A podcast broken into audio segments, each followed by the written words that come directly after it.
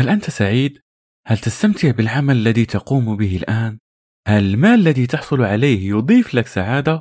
وهل فعلا ما تفعله يمثل شغفك ورسالتك في الحياة؟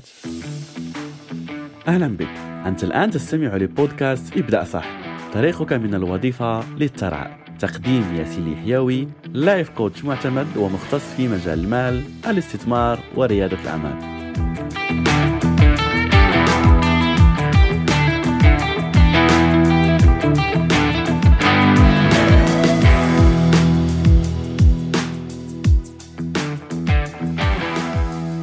كانت هذه أسئلة مدربي الخاص في لقائنا الأسبوعي لمتابعة تقدمي في خطوات مشاريعي ورسالتي ابدأ صح. جاءت السؤال بشكل مفاجئ ولأنه تعودنا أن نجيب دائما الحمد لله أنا بخير حتى لو كنت تعاني أو مريض أجبت بشكل عفوي بدون تفكير. نعم أنا سعيد. أنهينا هذا اللقاء وطيلة الأسبوع وأنا أفكر في هذا السؤال. لماذا أجبت بنعم؟ وهل فعلا إجابتي كانت صادقة؟ في نفس هذا الأسبوع كان عندي ضغط شغل رهيب. كان جسمي منهك من العمل وحتى أتذكر أنه في يوم كان مودي شوية سيء. فجاء في بالي فكرة من رسائل توصلت بها على وسائل التواصل وحسيت أنه الأفضل أني أجيب عن هذا الموضوع عن طريق فيديو لكي أفيد به أكبر عدد من الناس. فأخذت الموبايل من دون تفكير ومن دون أي معدات تسجيل صورت ونشرت بنية الإفادة. وسبحان الله بشكل لحظي تغير المود عندي وأصبحت أحس بسعادة وعاد لي النشاط في جسمي كأني أخذت منشطات. أدركت حينها أن فعلا ما أقوم به عن طريق رسالتي ابدأ صح هو فعلا أمر يعود لي بسعادة. عرفت أني فعلا أشتغل على رسالتي بشغف في الأرض وأنوي بها إفادة أكبر عدد من الناس وهذا شيء بيخليني أحس باستمتاع بعملي رغم التعب الجسدي. طيب يا ياسين ليش حكي لنا هذه القصة؟ في الحلقة السابقة من بودكاست ابدأ صح؟ تكلمنا عن موضوع زيادة الدخل وتوقفنا في أفضل طريقة وهي أن تستمر في عملك وتفتح بزنسك ولا عملك الخاص. ونصيحة لك استمع لهذه الحلقة لكي تفهم العديد من التفاصيل المتعلقة بتحديد الدخل وزيادته. وكنت قلت لك في آخر الحلقة أن الأمر سيكون فيه العديد من التحديات لك آه، خصوصا في البداية. وسألتك هل أنت قادر على مواجهة هذه التحديات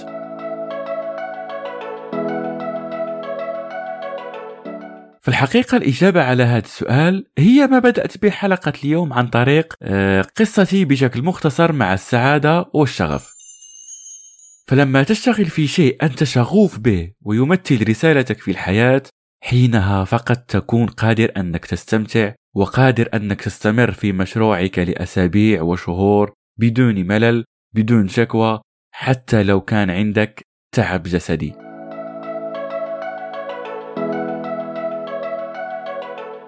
العديد من الناس يفتحون مشاريع وفي المشاريع هناك العديد من الأمور المهمة منها الرؤية العامة للمشروع التسويق المبيعات إدارة وإلى غيرها. ولكن ماذا لو كانت البداية أصلا غلط؟ ولما تيجي تشوف أغلب الناس للأسف يقول لك آه بديت مشروع كذا وفشلت. غالب الظن أنه فاهم المشاريع غلط ويكون داخل للمشروع بنية الربح فقط. لكن أنك تكون تقدم خدمة للناس وتستطيع تحويلها لبزنس هذه هي أفضل فكرة أنصحك بها. فكيف يمكنك أن تقوم أنت أيضا بهذا الأمر؟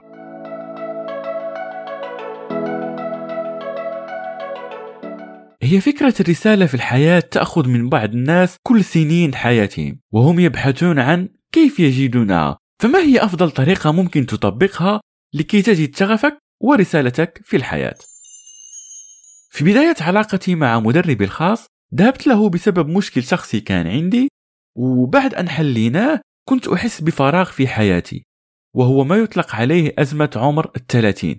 وبالمناسبة هو ليس له علاقة بسن 30 ممكن أشخاص يصلون لهذه الأزمة في سن آه، قبل 30 ولا بعدها لكن الاسم المتعارف عليه هو هذا. وهي فترة يحس فيها الشخص أن ما يقوم به ما فيهش أي إضافة لحياته. يحس أنه خلق لشيء أكبر ولكن هو لا يعيشه. يحس أن عمره يضيع في عمل لا يحبه حتى لو كان مرتاح فيه ماليا. لكن يحس أن دائما هناك قطعة ناقصة. وللأسف هناك كثير من الشباب يفكر في هذه المرحلة في الانتحار هناك من يجيه اكتئاب هناك من يغلق على نفسه وهناك من يكمل حياته بدون روح. لكن أكيد الأفضل منهم هو من يجد قطعته الناقصة. ويعمل عليها بشغف في حياته.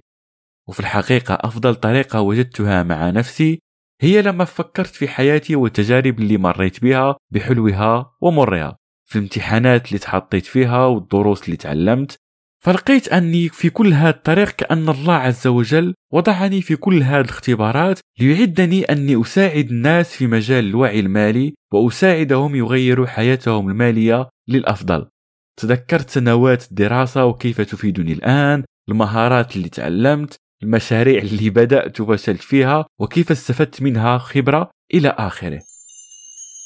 فبالنسبة لي رسالتك تأتي عبر مراحل وظروف أنت تمر بها حتى لو كنت تعاني الآن وتمر بلحظات صعبة فقد ثق أن الله عز وجل خلق الكون بقدر وأن هذا الكون لا يوجد فيه أي صدفة.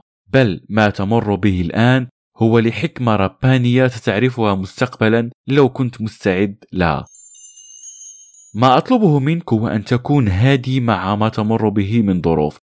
راجع قصتك في الحياة وشوف الأمور اللي مريتي بها كيف غيرت من شخصيتك. شو هي الدروس اللي استفدت منها أو اللي ممكن تأخذها عبرة من تجاربك وقصتك؟ وشو هو الشيء المشترك مع كل ما مريت به؟